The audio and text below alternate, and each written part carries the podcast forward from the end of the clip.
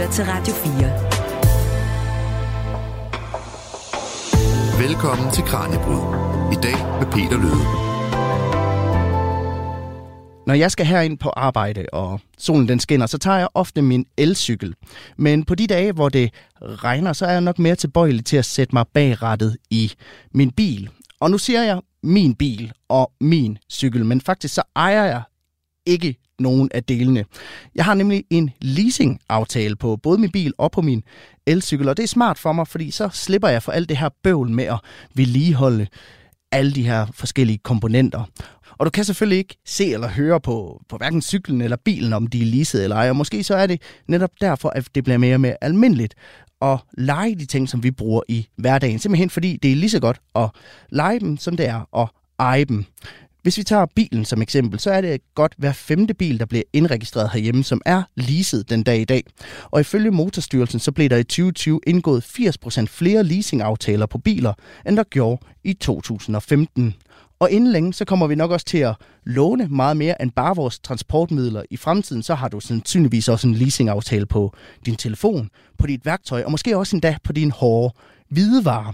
For den her grænse mellem, hvad vi ejer og hvad vi leger, den er under forandring i de her år. Og flere og flere virksomheder presser på for, at vi skal eje mindre og have flere ting til låns. I Kranjebrud i dag, der ser vi nærmere på det her nye paradigme. Vi skal se nærmere på, hvad det egentlig betyder for os som forbrugere, hvis vi ikke længere har det direkte ejerskab over mange af de ting, som vi bruger i hverdagen. Og så skal vi også forsøge at forstå, hvordan leasing måske kan være løsning på, hvordan vi reducerer ressourcespild. Tak fordi, at jeg må låne lidt af din opmærksomhed. Jeg hedder Peter Løde. Du lytter til Kranjebrud her på Radio 4. Velkommen til programmet.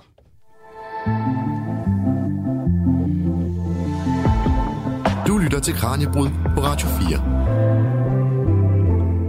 Og jeg har inviteret Peter Krog i studiet, der er professor i design ved Aarhus Universitet. Velkommen til. Tak. Det kan være, at vi skal starte med at fortælle, øh, du kan starte med at fortælle, altså hvad er det for en udvikling, vi står midt i som, som forbruger, altså set med dine briller?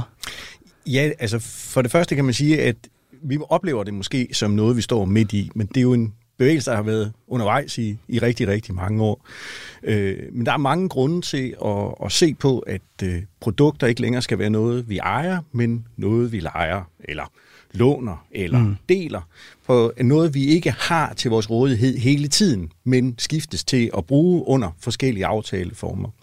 Øh, og det gør vi af mange årsager, primært fordi, at øh, materialforbrug, øh, hvad hedder brug af, af energi, etc., i, der går i de her produkter, jamen det er en klog måde at få det udnyttet maksimalt på igennem leje, dele, leasingaftaler. Ja, fordi nu brugte jeg de her udtryk lege, låne og, og, og, og lease sådan lidt i flæng med hinanden, men der er jo øh, en skillelinje mellem de tre. Det kan være, at vi lige skal starte med at få, få, få styr på, hvad de tre ting, de dækker over. Ja, det er jo et mudret landskab, det, ja. må man, det må man også sige. Øh, så, så vi bruger jo, hvad skal man sige, vi bruger dem, særligt leje og leasing er sådan to begreber, som glider fuldstændig, øh, hvad skal man sige, bliver brugt, hvad skal man sige, i flæng næsten omkring vi. Men taler typisk som, du siger, du leaser en bil, eller du mm. leaser en cykel, men du lejer en lejlighed. Men det fænomen er jo egentlig, at typisk så bruger vi leasing om ting, øh, vi har lejet i lang tid, ja. øh, mens at leje er sådan noget kort tid. Men det passer bare ikke i forhold til lejeaftaler med lejligheder. Nej, jeg leaser i princippet min lejlighed. Ja, øh, og, og, og så siger vi, at måske så siger vi ovenikøbet, at vi låner en cykel, Øh, men dybest set så leger vi den en bycykel, eller vi leger et løbehjul, eller vi leger en, en, en bil, mm, som er sådan korttids, øh, korttidsleje, der er de her flåde, øh, som Share Now, eller mm. Green Mobility, eller hvad de nu måtte hedde. Så der, der, det er lidt et mudret landskab. Der er ikke nogen klart øh, begrebsdefinition øh, i, i det nej, her. Nej, og, og, og Airbnb vil sige, at de er en del af deleøkonomien. Øh, men dybest set er det jo korttidsleje af, af, af kvadratmeter. Og du, øh, du er professor i, i design, og det kan være, at vi lige skal prøve at afklare, hvordan det her med design, det relaterer sig til det her spørgsmål omkring eje og leje. Jamen, det, tak, fordi det, det er jo, øh, jeg bliver jo nødt til at sige, at jeg udtaler mig om det her øh, med et afsæt i design. Og øh, så det vil sige, at, at design har, hvad skal man sige, historisk set knyttet sig til kultur og kunst og, øh, hvad skal man sige, også tekniske videnskaber og naturligvis også igennem de sidste 100 år har knyttet sig til markedsføring og industriel produktion. Så derfor så er der en vekselvirkning omkring, hvad design gør, og hvilken, hvad skal man sige, økonomi det skaber. Mm. Øh, så, så derfor udtaler jeg mig om, hvad skal man sige, fra designsiden, øh, om hvordan det påvirker økonomi, øh, mens at jeg jo ikke er professor i hverken forretningsmodeller eller forretningsudvikling eller på anden vis. Men, men jeg vil våge at påstå, at jeg øh, er ret godt øh, med på, hvordan det vekselvirker. ja. Når vi taler om design i den her sammenhæng, hvad er det så, vi taler om, når det kommer til design? Jamen, øh, de apparater, vi har omkring os, mm. hvis de skal til gode se en midlertidig brug, jamen, så skal de have nogle features i sig, som gør, at det her, det giver mening. Og det vil sige, at man forstærker nogle kvaliteter ved et produkt, mens man nedtoner nogle andre. Ja. Og design er, hvad skal man sige, man siger tit, at design løser problemer. Det vil så sige, at design løser ikke problemer som sådan. Det forstærker et værdisæt, der ligger bag ved et produkt. Ja. Så selvfølgelig løser det under tiden et problem. Men det primære, det design foretager, og det det tilbyder i forhold til øh, ingeniørvidenskab eller i forhold til forretningsudvikling osv., så er det, at det tilbyder at kunne forstærke de værdier, som man ønsker fremelsket i et produkt eller i en service. Og nu taler vi om, at vi står midt i det her paradigmeskifte fra ejerskab til, til lejerskab, hvis man skal kalde det det, og du siger så, at den har været i gang i noget tid. Altså, hvor ser vi det her paradigmeskifte tydeligst lige nu? Jeg ved ikke, hvor man ser det tydeligst lige nu, men jeg kunne godt trænge mig lige at, at kigge på det i forhold til, hvad er inspireret ja. det. Øh, og, og det, det sådan kommer ud, det er jo faktisk de, øh, de spirende frustrationer over øh, den tidlige industrielle produktion, hvor man lavede produkter fra vugge øh, til grav. Altså, man købte et produkt, og man kunne bruge det, og så havde man jo så også den øh, forpligtelsen til at og, øh, sørge for at, afsk- hvad skal man sige, at komme, komme af med det på en god måde. Og på den måde, så var der rigtig meget, der gik til at spille. Mm. Og så så man mere i stigende omfang, så begyndte man at tale om, jamen vi skal have et, cirkuleringssystem, et recirkuleringssystem. Altså, vi skal kunne tage produkter tilbage, sådan, så vi skal tale, tale om fra vugge til vugge. Altså, vi har en midlertidig brug af et produkt og nogle ressourcer. De skal gå tilbage i produktionen af nye produkter. Ja. Og det var så stadigvæk i en eje-model. Mm. Men hvis man så begynder at sige, at der er nogle af de her produkter, dem skal vi være helt 100% sikre på, at de kommer tilbage, så er det smart, at folk de kun låner eller leger det, så vi er helt sikre på at få de her produkter tilbage. Så der, hvor det virkelig giver god mening at, at lege produkter, det er der, hvor vi har teknisk komplekse produkter.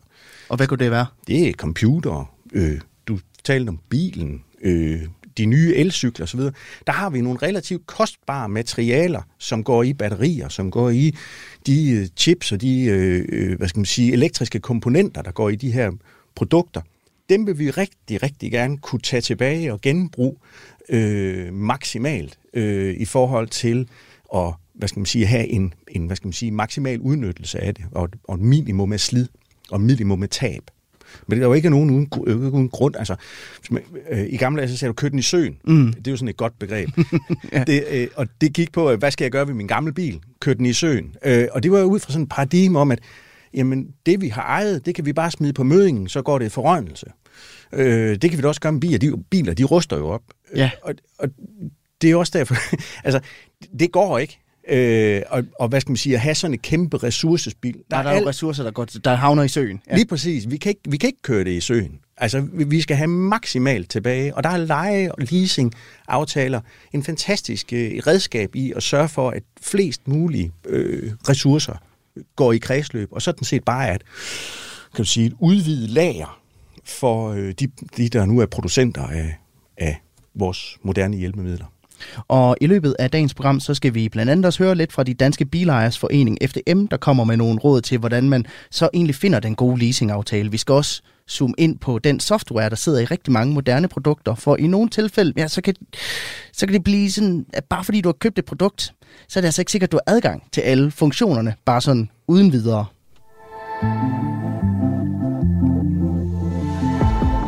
Du lytter til Kranjebrud på Radio 4. Men inden da, Peter, så vil jeg gerne prøve at forstå betydningen af det her med ressourcerne lidt bedre, det her kredsløb, som du, som du beskriver her. Øh, fordi det er måske sådan, umiddelbart det er svært at forstå, hvordan det her med produkters bestanddel overhovedet har noget som helst at gøre med, om vi skal eje eller, eller lege noget. Det kan være, du bliver nødt til helt at udpensle det for mig og lytterne. Altså, der er jo øh, der er masser af små øh, anekdotiske historier om, om, omkring de her ting. Mm. Øh, man kan sige, hvorfor glider vi fra en, en service til et produkt og tilbage til en service. Øh, oprindeligt, øh, så kan man sige for eksempel nu, tøjvask er noget, vi også øh, har diskuteret lidt i optakten ja. til den her øh, udsendelse. Øh, jamen tøjvask var oprindeligt noget, en service vi ydede. På et tidspunkt blev det til et produkt, vi købte, som kunne sørge for, at tøjvasket, tøjvasken opstod. Og lige nu så står der i næsten alle danske husholdninger en vaskemaskine optager plads, og også er, øh, optager øh, hvad hedder det, øh, øh, en, hvad skal man sige, en bestemt konfiguration af materialer over tid. Ja. Og de her materialer, de kan så blive en mangelvare. Og det så vi blandt andet med øh, chipskrisen for øh, ikke så øh, lang tid siden. Ja, ved Suezkanalen, hvor det her skib sad på, på tværs. Ja, ja lige præcis.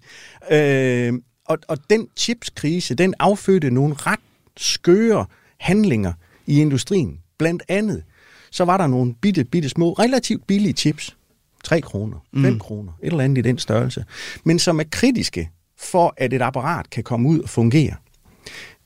Derfor så så vi, at der var nogle traktorproducenter, der ikke kunne skaffe chips, med mindre de opkøbte vaskemaskiner, splittet med, nappede chippen ud, puttede den i Fordi en traktor. det er den samme komponent, de skal bruge simpelthen. Fuldstændig samme komponent, men så står der et bjerg af ubrugelige vaskemaskiner tilbage. De er sprit nye, mm. og det eneste, man har taget, det er sådan en 3-5 kroners chip ud.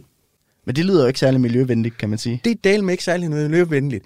Men det siger noget om, at hvorfor vi skal være opmærksom på de, hvad hedder det, øh, systemer, hvor materialerne cirkulerer i, fordi at vi vælger at konfigurere dem, enten som en vaskemaskine, eller som en traktor, eller som babyalarm, eller hvad det nu måtte være, som man bruger til en bestemt måde at sætte det sammen på. Og hvis ikke vi kan deles om dem, så står de uvirksomme hen, presser et bestemt system til at levere flere chips, som kan stå uvirksomme hen mm. i længere og længere tid. Ja, for hvordan kan leasing eller lån eller leje, eller hvad vi nu skal kalde det, hvordan kan det så være med til at, at, at gøre den her, hvad kan man sige, cyklus mere miljørigtig eller mere bæredygtig?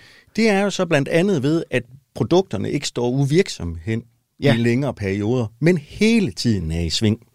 Så den chip, der sidder i en vaskemaskine, den er jo ligeglad med, om den vasker en time om dagen eller 24 timer i døgnet. Mm. Men det, der er smart, det er, at den bliver brugt maksimalt i den tid, den er i live. Ja. Så det handler simpelthen om det her med, at, øh, at min vaskemaskine, den skal ikke stå og ikke lave noget. Den skal være i gang konstant for simpelthen at prøve at øge øh, brugen af de her ressourcer til, til det maksimale. Ja, og hvis jeg nu kunne få en tøjservice, eller en tøjvaskeservice, et rent tøjservice, et rent tøjservice, som gjorde, at når jeg kom hjem, nu har jeg været afsted øh, 14 dage, øh, så kommer jeg tilbage med en kæmpe bunke vasketøj. Det tager mig jo halvanden dag at komme igennem den her bunke. Mm. Hvis jeg nu kunne aflevere det, og der, til gengæld har min vaskemaskine stået fuldstændig stille i 14 dage.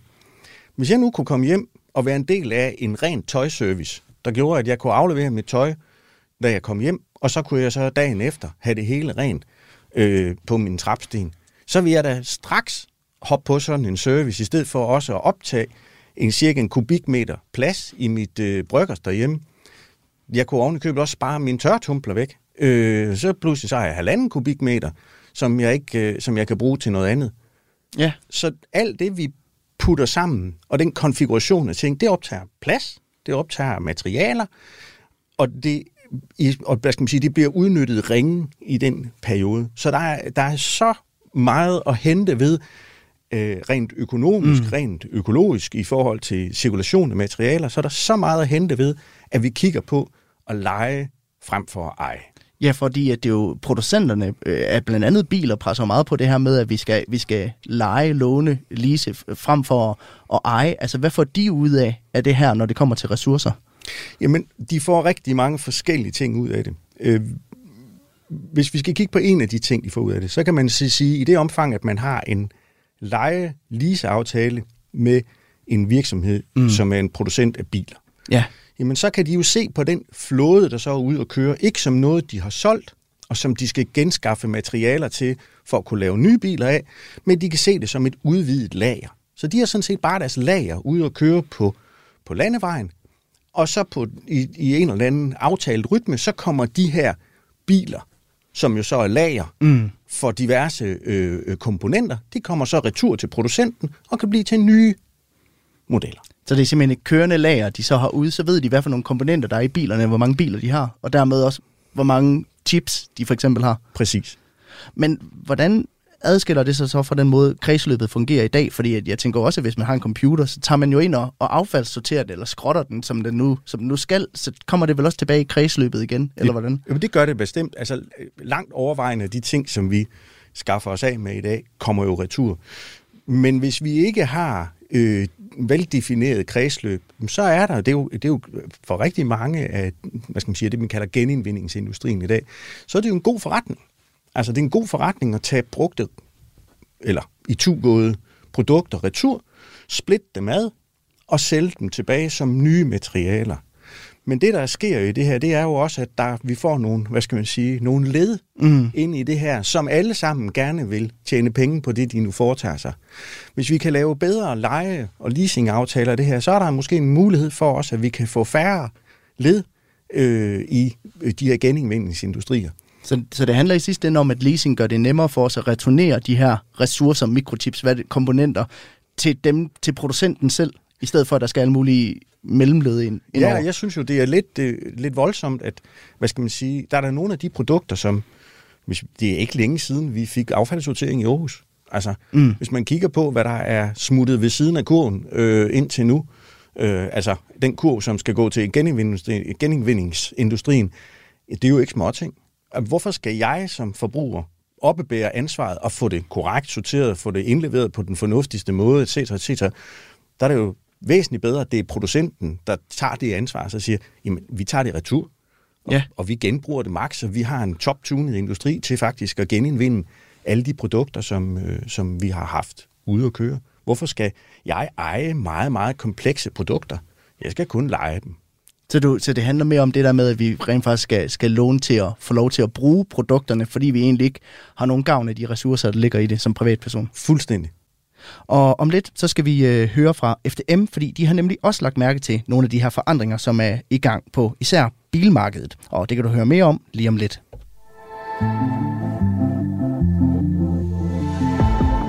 Du lytter til Kranjebrud på Radio 4. For bilmarkedet er jo nok et af de steder, hvor mange danskere efterhånden begynder at føle, de skal tage stilling til, om de egentlig vil eje eller lease deres næste bil. Forbrugerøkonomen ved FDM, Elias Dokro, han øh, forklarer, at årsagen er netop, at bilmarkedet er under kraftig forandring. Vi står midt i en brydningstid, for så vidt angår og drivmidler. Hvad er det for nogle drivmidler, vi skal køre i fremtiden? Altså, der er ingen tvivl om, at elbilerne er kommet, og de er kommet for at blive, men i mellemtiden kan vi jo stadig godt købe benzin- og dieselbiler. Men udfordringen er bare, hvad koster en, en dieselbil, øh, som jeg har købt i dag om, om tre år, om fem år, og hvad koster en øh, elbil, som jeg har købt i dag om tre til fem år? Hvordan udvikler teknologien sig? Alt det her, det gør jo bare, at en bil, som er den næstdyreste investering efter et bolig i Danmark, øh, hvor den største post i bilbudgettet, det er værditabet, så kommer der altså bare usikkerhed omkring værditabet. Og det gør bare, at der er rigtig mange forbrugere, som, som er usikre, som vælger lease deres bil, i stedet for at købe deres bil, som vi så i gamle dage. Og når du siger rigtig mange, altså kan man se i statistikkerne, at der er den bevægelse?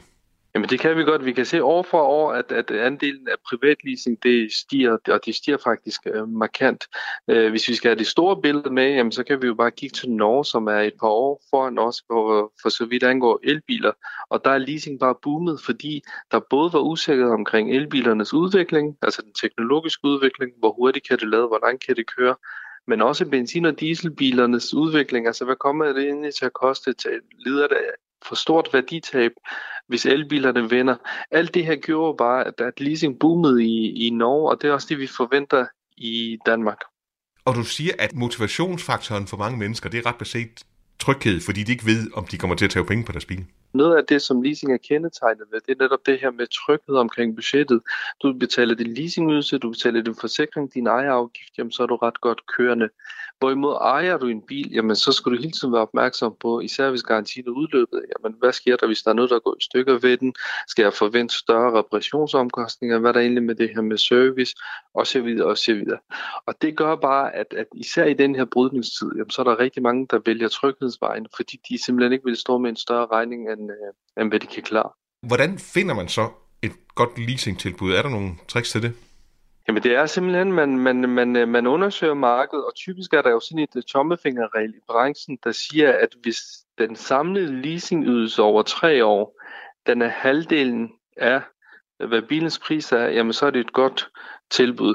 Hvis, øh, hvis den samlede leasingydelse over tre år er højere end bilens værdi, øh, jamen øh, så er det et dårligere tilbud. Så man skal virkelig øh, holde tungen lige i munden for så vidt angår leasing. Øh, fordi der er rigtig mange leasingtilbud derude, og nogle af dem er faktisk rigtig gode, men så der, kan der være nogle, der er knap så gode. Men hvilke andre fordele er der ved, øh, ved leasing, og er der nogle ulemper?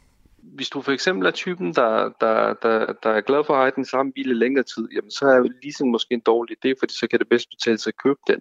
Men hvis du, står, hvis du er typen, der står over for en stor forandring i dit liv, eller er bare glad for at skifte biler ofte, jamen så er leasing faktisk rigtig øh, godt. Øh, lad os bare tage et eksempel som, som en studerende, der lige blevet færdig med sit studie og, og har en kæreste. Jamen, det er en rigtig god idé at lease en bil, fordi du ved jo ikke, om du flytter til et hus og, og måske skal have børn. Jamen, så er det her med leasing, det er måske meget godt lige et par år, og så kan du købe øh, drømmebilen derefter. Så der er rigtig mange fordele og ulemper øh, ved leasing. Man skal bare gøre sit hjemmearbejde rigtig godt. Du sagde lidt tidligere, at mange gør det, fordi de er lidt utrygge ved det her værditab, der kan være i, i biler i øjeblikket på grund af den her brydningstid. Men er leasingselskaberne ikke også, altså risikerer det ikke også at blive ramt af et eller andet værditab på grund af det her, de forandringer, der sker? Jo, altså leasingselskaberne er meget bevidste omkring det værditab, der måtte være. Øh, leasingselskaberne har bare større marked at operere i. De kan jo flytte øh, bilerne rundt mellem landene. Så de biler, hvor der er øh, hvad skal man sige, lavere efterspørgsel i Danmark, jamen, dem kan der godt være stor efterspørgsel øh, andre steder i verden, for eksempel i Sydeuropa. Så på den måde så har leasingselskaberne større områder at operere, end vi forbrugere har. Hvordan tror du, det kommer til at udvikle sig i de kommende år? Altså jeg er ret sikker på, at det her med bilejerskabet, det er under forandring. Tidligere sagde vi jo bare, at bilejerskabet, det betyder bare, at du ejer en bil. Men i dag kan vi jo se, at det, vi er på vej mod hen der, hvor vi siger, at du skal bare have en bil til rådighed på et bestemt tidspunkt. Så på den måde, så tror jeg, at leasing øh, er kommet for at blive, og det vil kun vinde større indpas. Men så er der selvfølgelig også andre bilejerskabsformer, som for eksempel bilabonnement og, og, og bybiler og delebiler, som også vil vinde indpas. Især det her med bilabonnement er meget interessant, fordi der betaler du bare et fast beløb om måneden, og så kan du skifte bil øh, efter et halvt år. Det vil sige, at du kan køre en stor SUV om vinteren, og så køre en cabriolet om, om sommeren. Det er den fleksibilitet og den tryghed, der gør, at, at øh, leasing og bil på abonnement osv. står ret stærkt og der findes flere forskellige former for leasing. For eksempel det, der også kaldes for flexleasing. Men det er ifølge Elias Stokro lidt mere kompliceret at udregne økonomien i, end ved privatleasing. Så det var privatleasing, som forbrugerøkonomen udtales om i interviewet her. Og Peter Krog, nu har vi jo talt om det her med, at man nok vil se leasingmarkedet øh, bevæge sig ind på alle mulige former. Altså vi skal lease vores telefon, måske i fremtiden vores computer, vores hårde hvidevarer. Men det er nok stadigvæk bilmarkedet, som langt de fleste de de tænker på, når de hører ordet leasing. Hvorfor tror du, det lige er bilmarkedet, der er de første, der, der for alvor er, er lykkes med det her? Oh, det, der, der er nok mange årsager til det. Øh, dels er der den materiale årsag, som vi diskuterede mm. før. Øh, så er der den, der hedder øh, ideen om, at ens lager øh, er styret øh, klogt. Ja. Øh, og så er der jo selvfølgelig også det økonomiske incitament, ikke mindst. Øh, for nogle virksomheder, så er som det også bliver peget på, så kan det være et lidt øh, mudret område også at skal finde rundt i. Og derfor så er der mange, der siger, at jeg ved ikke, hvad jeg betaler for. Det kan være svært at forstå, hvad man betaler for. Og der er helt sikkert nogle selskaber, der har set det som en god mulighed for at tjene lidt ekstra penge. Det er, at det er blevet uigennemskueligt, og så har man kunnet score en ekstra skilling på det. Øh, mm, og det, altså, hvad skal man sige, når jeg taler om leje og leasing mm. med mit perspektiv, så er det mindre med en økonomisk betragtning på, ja. men som handler om en lige præcis igen en værdibetragtning, som hvilken værdi skaber det for mig øh, og for os som samfund, at vi går i den her retning. Og øh, hvis man nu er kvik øh, som politiker på det her område, så vil man jo arbejde for at skabe transparente aftaler, som faktisk viser, hvorfor at virksomhederne tager den pris, de nu tager for øh, at øh, gennemføre en, en leasingaftale. Og lad os tale en lille smule om, hvilken forskel det så gør for os, at sætte endnu mere fokus på forbrugerens rolle i det her paradigmeskift.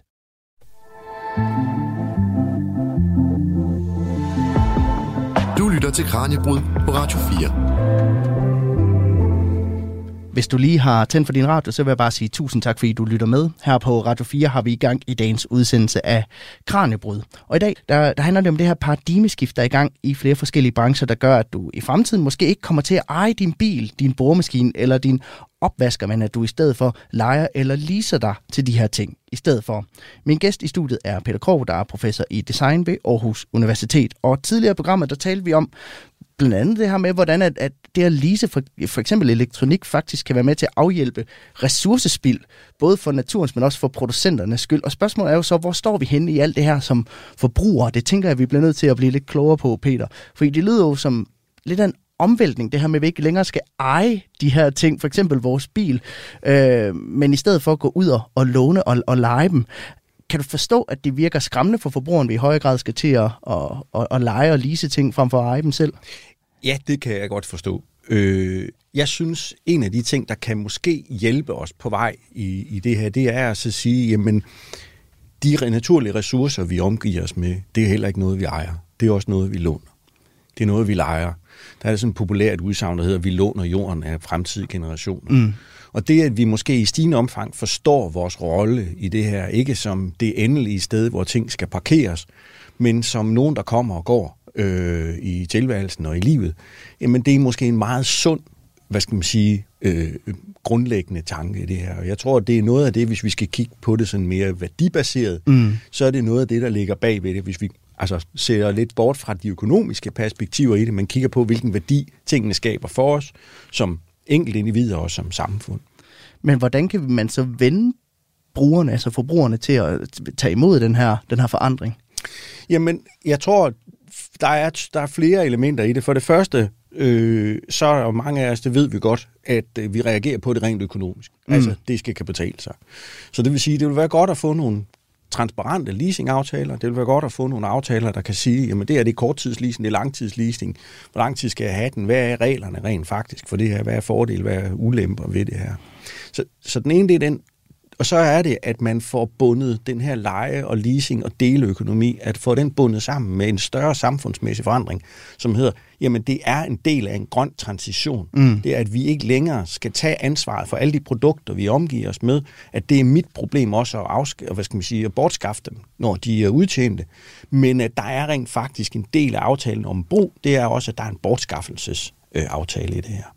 Men nu, øh, nu hørte vi jo blandt andet også Elias Dokro fra, fra FDM fortælle det her med, at en leasingaftale for eksempel gør, at du måske oftere kan, kan tillade dig at, at skifte bil. Altså kan det også føre til, at vi får nogle, nogle bedre produkter Ja, det kan det givetvis, og du kan sikkert også føre det til, at du får, hvad skal man sige, kan udleve dine hedonistiske tanker øh, lidt, lidt voldsommere, så du kan netop køre, som, som, som, øh, som forbrugerrådgiveren øh, mm. taler om.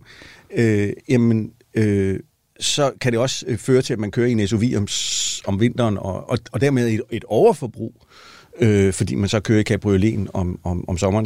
Det, bliver jo ikke færre cabrioleter på, på vejen af den grund. De står bare et eller andet sted om vinteren og håber sig op. Så, så vi er også nødt til at så sige, hvad vil, hvad vil vi bruge de her systemer til? Ja. Altså, vil vi bruge dem til at udleve øh, max øh, vores øh, skøre drømme, eller vil vi bruge det som en, en del af at, at være, agere mere øh, ansvarligt også som, som samfundsborger. Man kan også sige, at producenterne de, øh, de vil jo være interesseret i en leasingaftale for at få nogle af de her ressourcer tilbage igen, nogle af de her komponenter. Vil det måske også føre til, at de producerer bedre, altså kvalitetsprodukter, for at sikre, at de her produkter, de, de måske holder længere så? Altså igen, der vil jeg sige, ja, det, det er jo selvfølgelig et håb.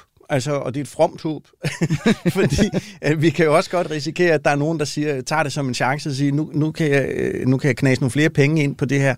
Øh, men jeg vil våge at påstå, at der er både et, et, hvad skal man sige, et politisk stykke arbejde, et lovgivningsstykke arbejde, der skal foregå omkring det her. Så er der så en almindelig offentlig øh, diskussion, som det her udsendelse, og tak fordi, at jeg kan få lov at, hvad skal man sige, at deltage i den, øh, altså, som bidrager til, at vi kan få en ny, et nuanceret forhold til, hvad det vil sige at lege, lise, låne, dele øh, vores ressourcer, øh, mm. frem for at, at eje dem.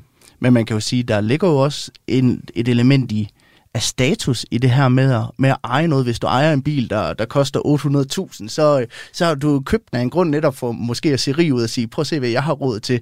Altså, er det den status, der ligger i at eje noget, vi også skal gøre lidt op med, tror du? Ja, den tror jeg helt sikkert også står for fald. Øh, så hvis man har den slags øh, behov for at, at, at vise sig frem, så skal man nok finde noget andet at gøre det med, øh, frem for at, at eje de her ting. Og der ligger jo også en, igen vil jeg sådan vende tilbage til, der ligger jo en, en hvad skal man sige, en ansvarlighed øh, for os som samfundsborgere at bidrage på en, øh, på en klog måde, og ikke bare øh, voldudnytte øh, ressourcerne, bare fordi vi kan. Ja. Men måske også en almindelig mådehold, der siger, mm, jeg holder mig tilbage, fordi jeg behøver ikke. Men kan der være nogle faldgrupper i det her som forbruger også?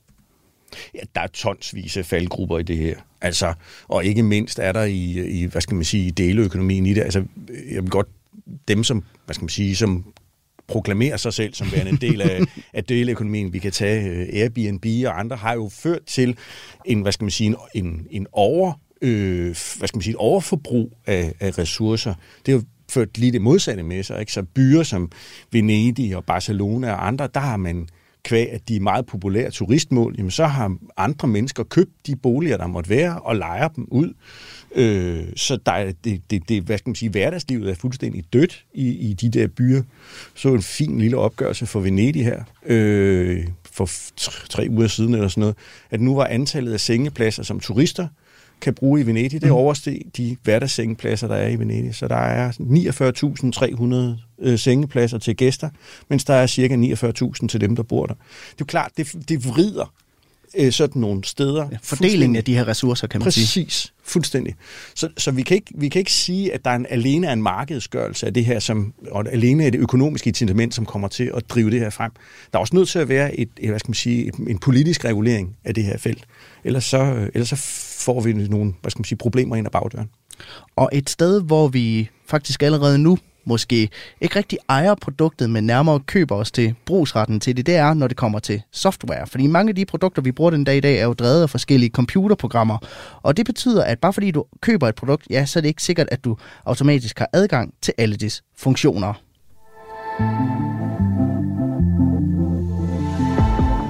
Du lytter til Kranjebrud på Radio 4. For noget af det, der går igen i, i den her forvandling fra ejerskab til, til lejerskab, det er jo det her med, med software. Det her med, at de produkter, der giver bedst mening at lease, også er dem, der i bund og grund bare er, er computer i en eller anden form. Men man kan jo sige, at moderne biler er jo for eksempel bare computer på, på hjul, smartphones er små computer og, og, og så videre. Og de her computer, de kører på noget software. Hvad er det for en udvikling, der er i gang der, Peter? Jamen, det er jo, at der er software i alting, og det er der, hvad skal man sige, kommet hen over de sidste 30-40 år, så er software blevet en, en stigende vigtig del af de her nye forretningsmodeller øh, og vores måde at leve vores øh, liv på. Software er motoren i dele, leasing, leje, øh, økonomien. Det er der øh, ingen tvivl om. Og i takt med, at alle vores produkter får software i sig, så får vi også de her komplekse produkter.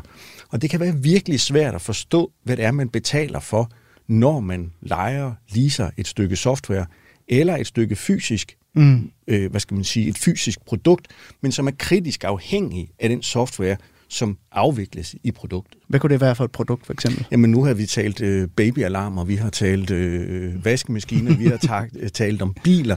De er alle sammen afhængige af, at softwaren er opdateret, og at sikkerheden for de her produkter, ikke mindst, er opdateret. Øh, vi kender det fra, øh, man har sådan nogle fænomener, der hedder denial, distributed denial of service, eller DOS-angreb, ja. hvor vi ser, at øh, hacker hijacker et eller andet sæt øh, produkter, fordi at de sikkerhedsmæssigt har været for ringe, og så bruges de til at sende trafik mod øh, websites, andre websites, som så går ned. Øh, og det er typisk jo, det kan være sådan nogle hævneangreb eller andet, og der findes simpelthen services på nettet, hvor man kan købe sig til adgang, hvor der er nogle hacker, der har sådan et, et katalog, et lille bibliotek af, af apparater, som er på nettet og dårligt beskyttet, og så kan man så købe sig for 100 kroner eller tusindvis af kroner, alt efter hvor prominent og hårdt angrebet skal være, hvor mange der skal til for at få serveren til at gå ned, så kan man betale sig fra, hvis man er, har ondt mm. i sinde, så kan man betale sig fra at lægge en, en server ned i nogle timer. Og det mest ekstreme eksempel, jeg har set på det her med, at man for eksempel kan købe en vare, men du ikke nødvendigvis har adgang til, til alle øh, dets komponenter eller til softwaren i sig selv, det er jo blandt andet, at øh, Tesla, de gjorde, at hvis du for eksempel købte en Tesla-bil, så er du ikke sikkert, at du havde adgang til alle de funktioner, der, der lå i bilen, selvom hardwaren egentlig, egentlig var til stede. Er det fordi, at de simpelthen prøver på at, at sikre sig mod de her DDoS-angreb, eller, eller hvad ligger der i det? Der ligger flere ting i det. Der ligger dels den historie, som vi var inde på lidt tidligere, som handler om, at det er det kørende lager. Mm. Altså, vi har sådan set konfigureret alle bilerne. Det er meget smartere, det er meget nemmere rent produktionsmæssigt, at vi putter det hele i en gang for alle, frem for at skal lave 117 og holde logistik med 117 forskellige modeller. Og så er der det med, at der er en slitage på modellen, når det er sådan, at vi aktiverer en eller anden form for service. Mm. Om det så er sædevarme, eller hvad det nu måtte være, så er det ikke nødvendigvis en fysisk ting, som vi putter ekstra i bilen, men det er noget, vi aktiverer, fordi det slider. Ja. Men det kan være, at vi egentlig skal kigge lidt på det her, par, øh, hvad kan man sige, den her modsætning, der ligger i det her med at, at købe ejerskab over noget, og så købe brugsretten til noget. Hvad, hvad, hvad ligger der i det? Jamen, øh, den, vi har sådan en idé om, når vi køber ting, så bliver de fysisk slidt. Mm. Det er meget svært for os som forbrugere at forstå, at der er et hverdagsvedligehold af software, som gør, at det sikkerhedsmæssigt lever op til de standarder, der er. Det kan være ret svært at forstå, at jeg har købt en babyalarm, mm. og jeg så rent faktisk, det er smart, at jeg i stedet for bare at satse på, at den er nok beskyttet øh, ud i al fremtid, øh, desuagtet hvilke nye typer af systemer, mm. der kommer. Men så længe den er på nettet, så bør der være en eller anden om bagved, som sidder og sørger for, at babyalarmen er beskyttet mod at blive hijacked.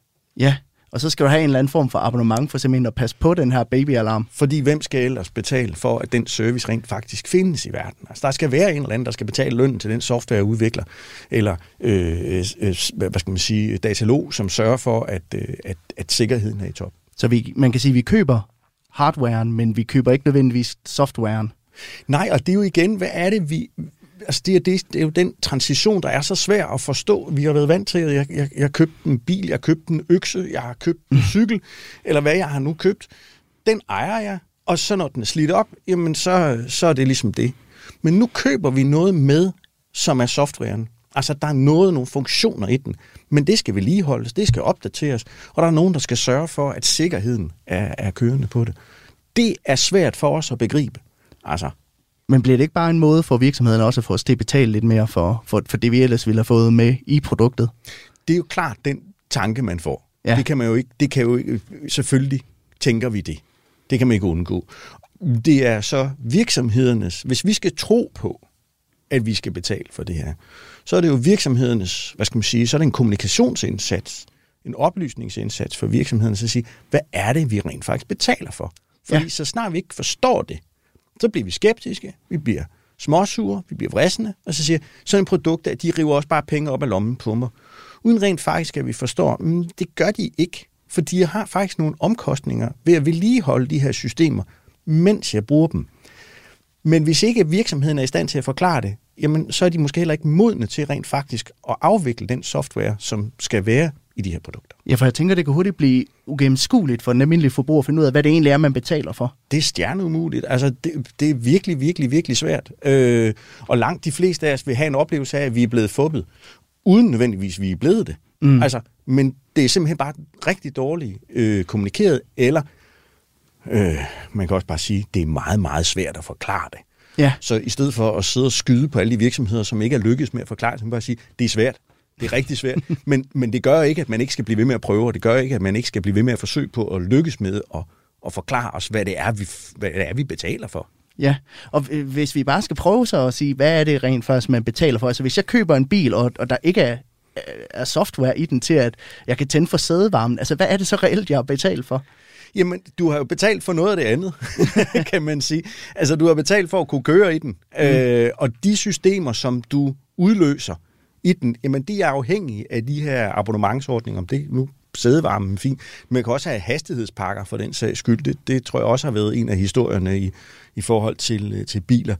Øh, mm, hvis du har en elbil, som kan køre særlig hurtigt, jamen så kommer der også en øget belastning på øh, hvad skal man sige, batteri- og strømforbruget i bilen, og dermed så bliver, betyder det kortere levetid for de batterier, som sidder i den.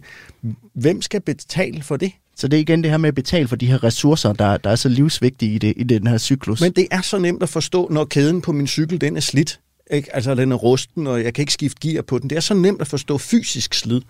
Det er meget, meget svært at forstå, at de her batterier, øh, kredsløb, øh, så videre, så videre, også slides og at hvis de overhovedet skal fungere under et software-regime, jamen så kræver det, at nogen, der hele tiden opdaterer det, og sørger for, at sikkerheden er cool. Og om lidt, så tænker jeg, at vi skal kigge lidt ud i fremtiden og se på, hvad den her overgang fra eje til leje, den så rent faktisk kan have af betydning for den måde, vi lever på.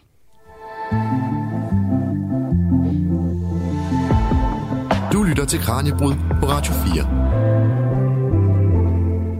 For hvordan ser det egentlig ud om, lad os sige, 20 år? Det kunne jeg godt tænke mig, at vi dedikerede de sidste 8 minutter til her i udsendelsen til at undersøge lidt nærmere. Min gæst i studiet i dag er Peter Krog, der er professor i design ved Aarhus Universitet. Og vi har talt meget om det her med leasing og deleøkonomi og lån og alle herlighederne ved det, og det kan potentielt hjælpe med at reducere ressourcespil, det kan bidrage med bedre, sikre produkter, men hvad er bagsiden af medaljen? Det kan ikke være lutter lavkage det hele. Nej, øh, det er det jo sjældent, øh, som du peger på. Det er jo ikke lutter lavkage, men jeg synes, der er nogle muligheder i det, som er super interessante. Øh, for det første er der en ansvarliggørelse af, vores, af producenterne af produkterne, mm. således at de ikke kun kan sige, nu har jeg jo solgt det her produkt til dig, nu må du selv om, hvad du gør ved det. Men rent faktisk siger, nej, det er også mit ansvar som producent at tage det tilbage og sørge for, at det bliver cirkuleret på bedst tænkelig måde.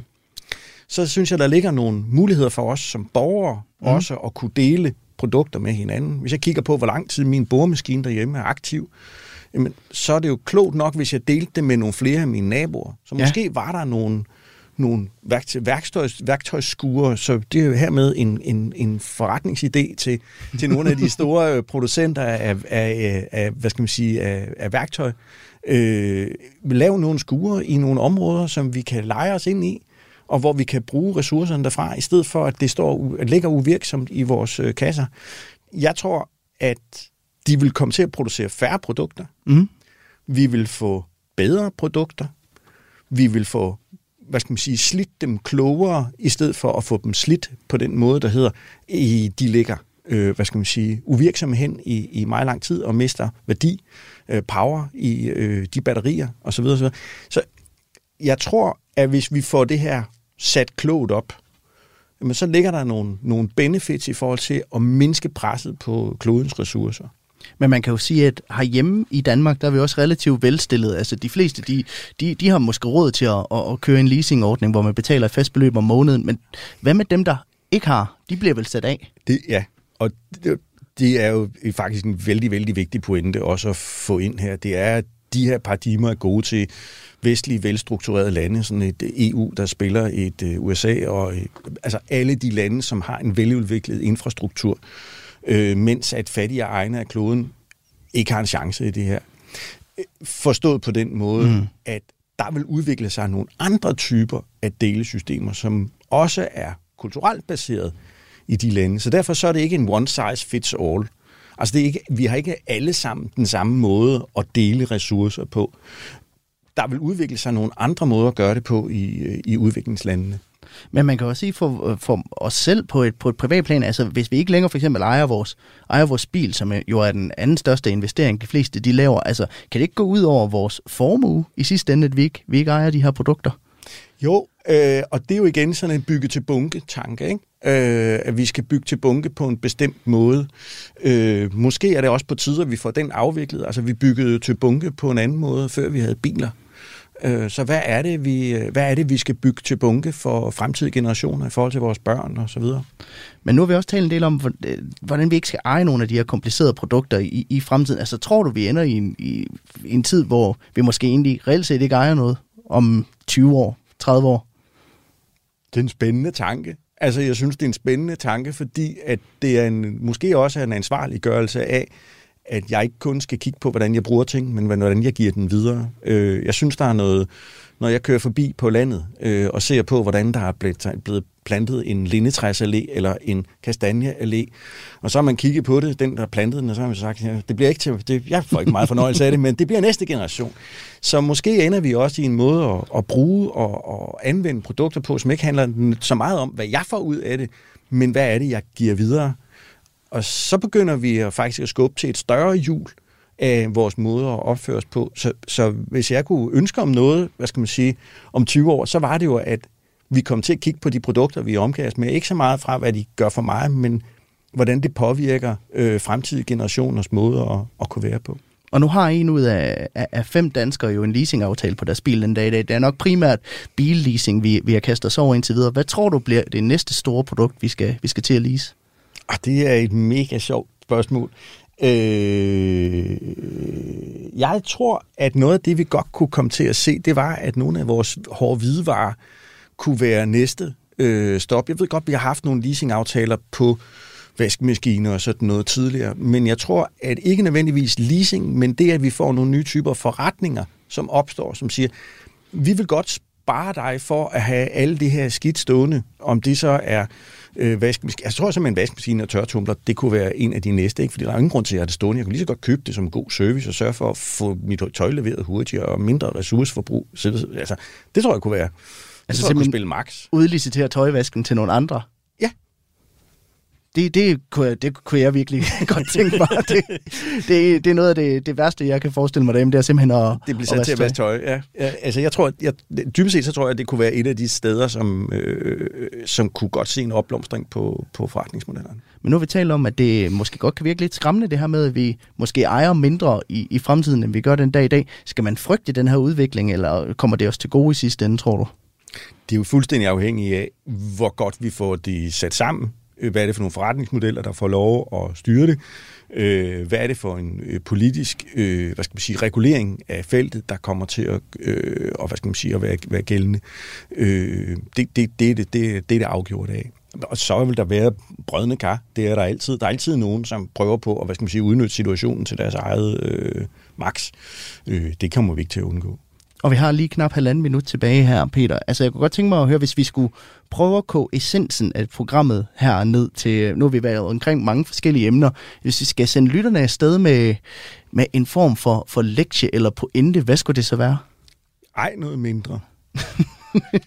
så simpelt kan det ja, være. Det mener jeg virkelig. Du skal eje noget mindre. Øh, og så skal du lege det, du har behov for, i stedet for at eje det, du tror, du får brug for. Øh, prøv at være opmærksom på, at du kan dele øh, tingene med flere end dig selv, og det kan være i en, hvad skal man sige, sådan en rent bytte-bytte købmand økonomi øh, naboer imellem, men det kan også være, at der sidder en, en, øh, en virksomhed bagved og, og sørger for at fordele ressourcerne på en klog måde. Og selvfølgelig score en lille klaskældning på det også. Og inden jeg, inden jeg sender dig afsted, så du har jo en bog på vej. Er det ikke rigtigt? Jo, det er sandt. Øh, faktisk så har jeg en tænkepause undervejs øh, på Aarhus Universitets forlag. Ja. Og, øh, den, efter planen, så skal den komme her i, øh, så er den udgivelsesdato i, øh, i januar, den 3. januar. Øh, også deri kan man så følge nogle af de typer af ting, som vi har snakket om i dag, øh, og se lidt på, hvad designs historie er, fordi titlen på den her lille tænkepause er design. Det lyder spændende. Peter Krog, professor i design ved Aarhus Universitet. Tak fordi du øh, ville komme forbi studiet. Jeg måtte låne lidt af dine tidsressourcer her i dag. Velbekomme. Tak fordi jeg måtte være med.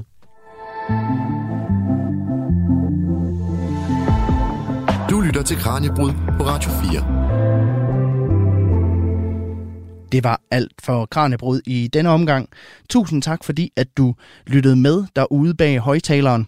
Her til sidst vil jeg bare lige minde dig på, at du selvfølgelig kan finde alle de tidligere programmer i Radio 4's app, hvor de ligger som podcast. Der er godt 1000 programmer at kasse over, når det kommer til alt, hvad hjertet overhovedet kunne begære, når det kommer til videnskab.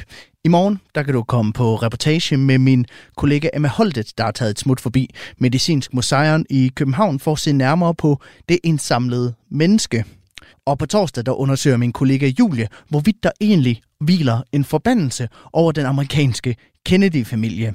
Og så vil jeg også gerne lige opfordre dig til, at hvis du sidder derude og har en idé til et emne, som du gerne vil have, vi tager op her i programmet, så send det ind til os på kranjebrud-radio4.dk. Det var alt for nu. Tusind tak igen, fordi at du lyttede med. Mit navn det er Peter Løde, og i programmet der havde jeg selskab af Peter Gall, der er professor i design ved Aarhus Universitet. Og så skal jeg lige huske at nævne, at programmet er produceret af produktionsselskabet Videnslyd for Radio 4. Vi lyttes ved igen i morgen kl. 12.10 her på kanalen. Du har fået til job at synge kor for ABBA. Jeg, jeg var ikke simpelthen ikke klar over, hvor sindssygt det egentlig var. Det var jeg jo ikke. Jeg var jo bare ni år og glad i låget. Musik er en hurtig genvej ind bag facaden. Jeg følte jo, at alle de sange var til mig. Ind bag den offentlige person. Jeg kiggede ind i et mørke. Det er jo der, jeg skal hen. Det er jo der, alt trøst er. I Portrætalbum bruger Anders Bøtter musikken til at vise nye sider af sine gæster. Carmen Køllers uh, Axel Byvang, har han en playliste? Jeg ved ikke, om jeg tør sige det. Det er så pinligt. Blandt andet Backstreet Boys. Lyt til Portrætalbum i Radio 4's app, eller der, hvor du lytter til podcast. Radio 4. Hold kæft, mand. Det tror Ulla Terkelsen ikke, det der. Ikke så forudsigeligt.